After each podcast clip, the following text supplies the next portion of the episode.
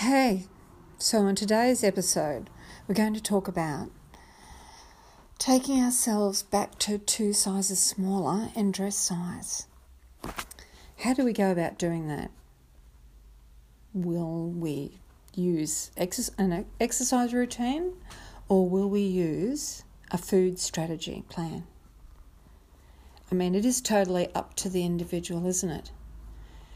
Most of us cannot see ourselves sort of getting out in the cold, for instance, in winter, and um, you know, jumping a skipping rope, or perhaps riding a bike in the chill of the air.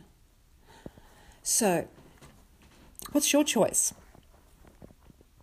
Do you have a preference, or do you just would like to do it by other means? Maybe um, personal gym gym instructor, or maybe um, a diet book plan, or maybe